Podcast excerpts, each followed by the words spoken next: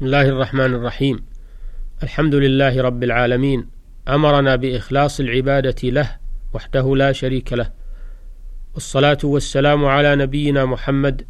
حذر أمته من الشرك ووسائله الموصلة إليه صيانة لعقيدة المسلم من المفسدات والشوائب والمناقضات والمنقصات. أما بعد أيها الإخوة المستمعون السلام عليكم ورحمة الله وبركاته. نتحدث إليكم في هذه الحلقة امتدادا لما مر في الحلقات السابقة في موضوع العقيدة الإسلامية وما يناقضها أو ينقصها من الشرك الأكبر أو الأصغر. وكنا فيما سبق من الأحاديث قد تناولنا بيان الشرك الذي حصل بسبب الافتتان بالقبور والأضرحة والغلو في الصالحين وما يعتمد عليه من وقع في هذا الشرك من شبهات. وفي هذه الحلقة نبين أنواعا يقع فيها بعض الناس قد تتنافى مع العقيدة أو تعكر صفوها وهي لا تتعلق بالقبور والأضرحة بل تمارس على المستوى العام ويقع فيها بعض العوام تأثرا بالدجالين والمحتالين والمشعوذين. وقد حذر منها النبي صلى الله عليه وسلم. ومن هذه الأمور أولا لبس الحلقة والخيط ونحوهما بقصد رفع البلاء أو دفعه وذلك من فعل الجاهلية وهو من الشرك الأصغر وقد يترقى إلى درجة الشرك الأكبر بحسب ما يقوم بقلب لابسها من الاعتقاد بها. فعن عمران بن حسين رضي الله عنه أن رسول الله صلى الله عليه وسلم رأى رجلا في يده حلقة من صفر فقال ما هذا؟ قال من الواهنة. فقال انزعها فإنها لا تزيدك إلا وهنا فإنك لو مت وهي عليك ما أفلحت أبدا. رواه أحمد بسند لا بأس به وصححه ابن حبان والحاكم وأقره الذهبي. ثانيا تعليق التمائم وهي خرزات كانت العرب تعلقها على أولادها يتقون بها العين ويتلمحون من اسمها أن يتم الله لهم مقصودهم. وقد تكون التمائم من من عظام أو من خرز أو من كتابة وغير ذلك. لكن إذا كان المعلق كتابة من القرآن فقد اختلف العلماء في جوازه وعدم جوازه والراجح عدم جوازه سدا للذريعة فإنه يفضي إلى تعليق غير القرآن ولأنه لا مخصص للنصوص المانعة من تعليق التمائم كحديث ابن مسعود رضي الله عنه قال سمعت رسول الله صلى الله عليه وسلم يقول إن الرقى والتمائم والتولة شرك رواه أحمد وأبو داود. وعن عقبة بن عامر مرفوعة من تعلق تميمة فقد أشرك وهذه نصوص عامة لا مخصص لها.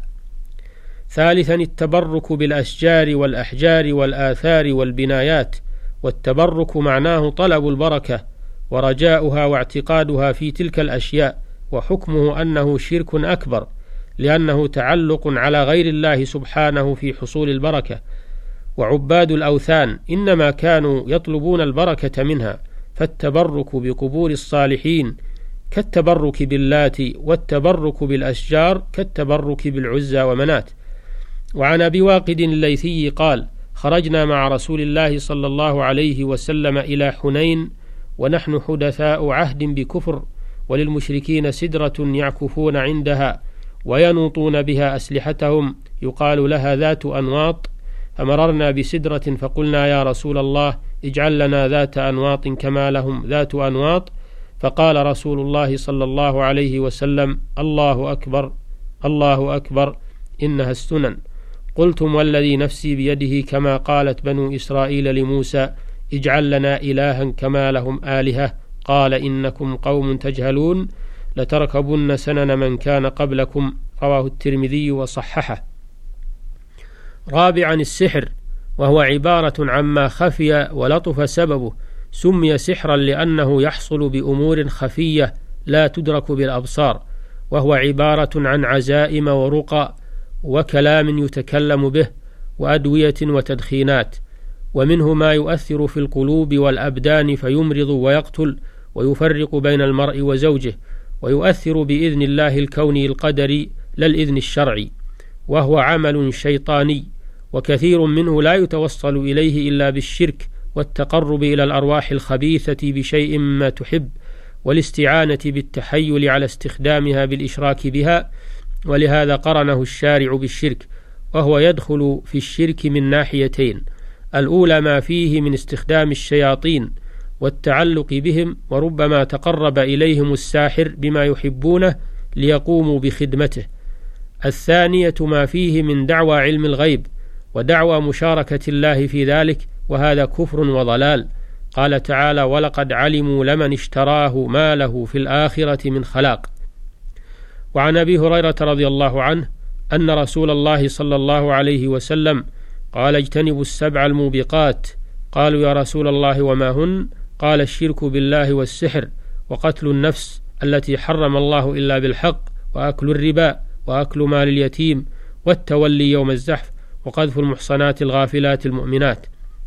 خامسا الكهانة وهي ادعاء علم الغيب كالإخبار بما سيقع في الأرض مع الاستناد إلى سبب هو استراق السمع.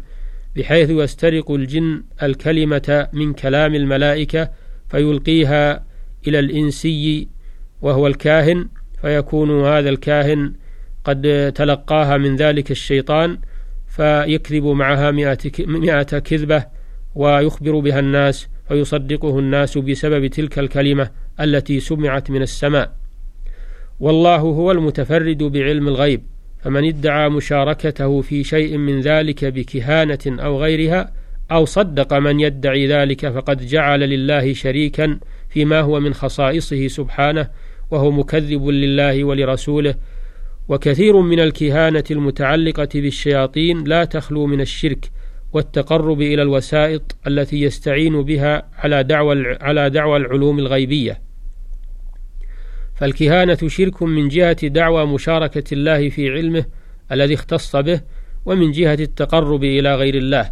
وفي صحيح مسلم عن بعض أزواج النبي صلى الله عليه وسلم عن النبي صلى الله عليه وسلم قال من أتى عرافا فسأله عن شيء فصدقه بما يقول لم تقبل له صلاة أربعين يوما وعن أبي هريرة رضي الله عنه عن النبي صلى الله عليه وسلم قال من أتى كاهنا فصدقه بما يقول فقد كفر بما أنزل على محمد صلى الله عليه وسلم رواه أبو داود.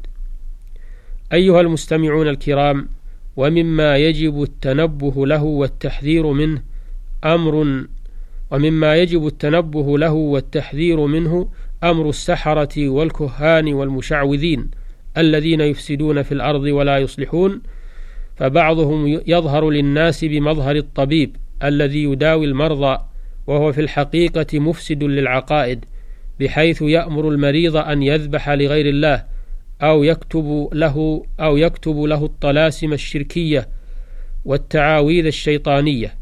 والبعض الآخر منهم يظهر بمظهر المخبر عن المغيبات وأماكن الأشياء المفقودة بحيث يأتيه الجهال فيسألونه عن الأشياء الضائعة فيخبرهم عن أماكن وجودها أو يحضر أو يحضرها لهم بواسطة الشياطين. والبعض الآخر منهم يظهر بمظهر الولي الذي له خوارق وكرامات كدخول النار وضربه لنفسه بالسلاح ومسك الحيات وغير ذلك. وهو في, وهو في الحقيقة دجال مشعوذ ولي للشيطان. وكل هذه الأصناف تريد الاحتيال والنصب لأكل أموال الناس بالباطل وإفساد عقائدهم فيجب على المسلمين أن يحذروهم ويبتعدوا عنهم ويجب على ولاة الأمور استتابة هؤلاء فإن تابوا وإلا قتلوهم وأراحوا المسلمين من شرهم وفسادهم تنفيذا لحكم الله فيهم. ففي صحيح البخاري عن بجالة بن, عن بجالة بن عبدة قال كتب عمر بن الخطاب أن اقتلوا كل ساحر وساحرة وعن جندب مرفوعا حد الساحر ضربه بالسيف رواه الترمذي. أيها المستمعون الكرام إلى الحلقة القادمة بإذن الله. والسلام عليكم ورحمة الله وبركاته. والحمد لله رب العالمين.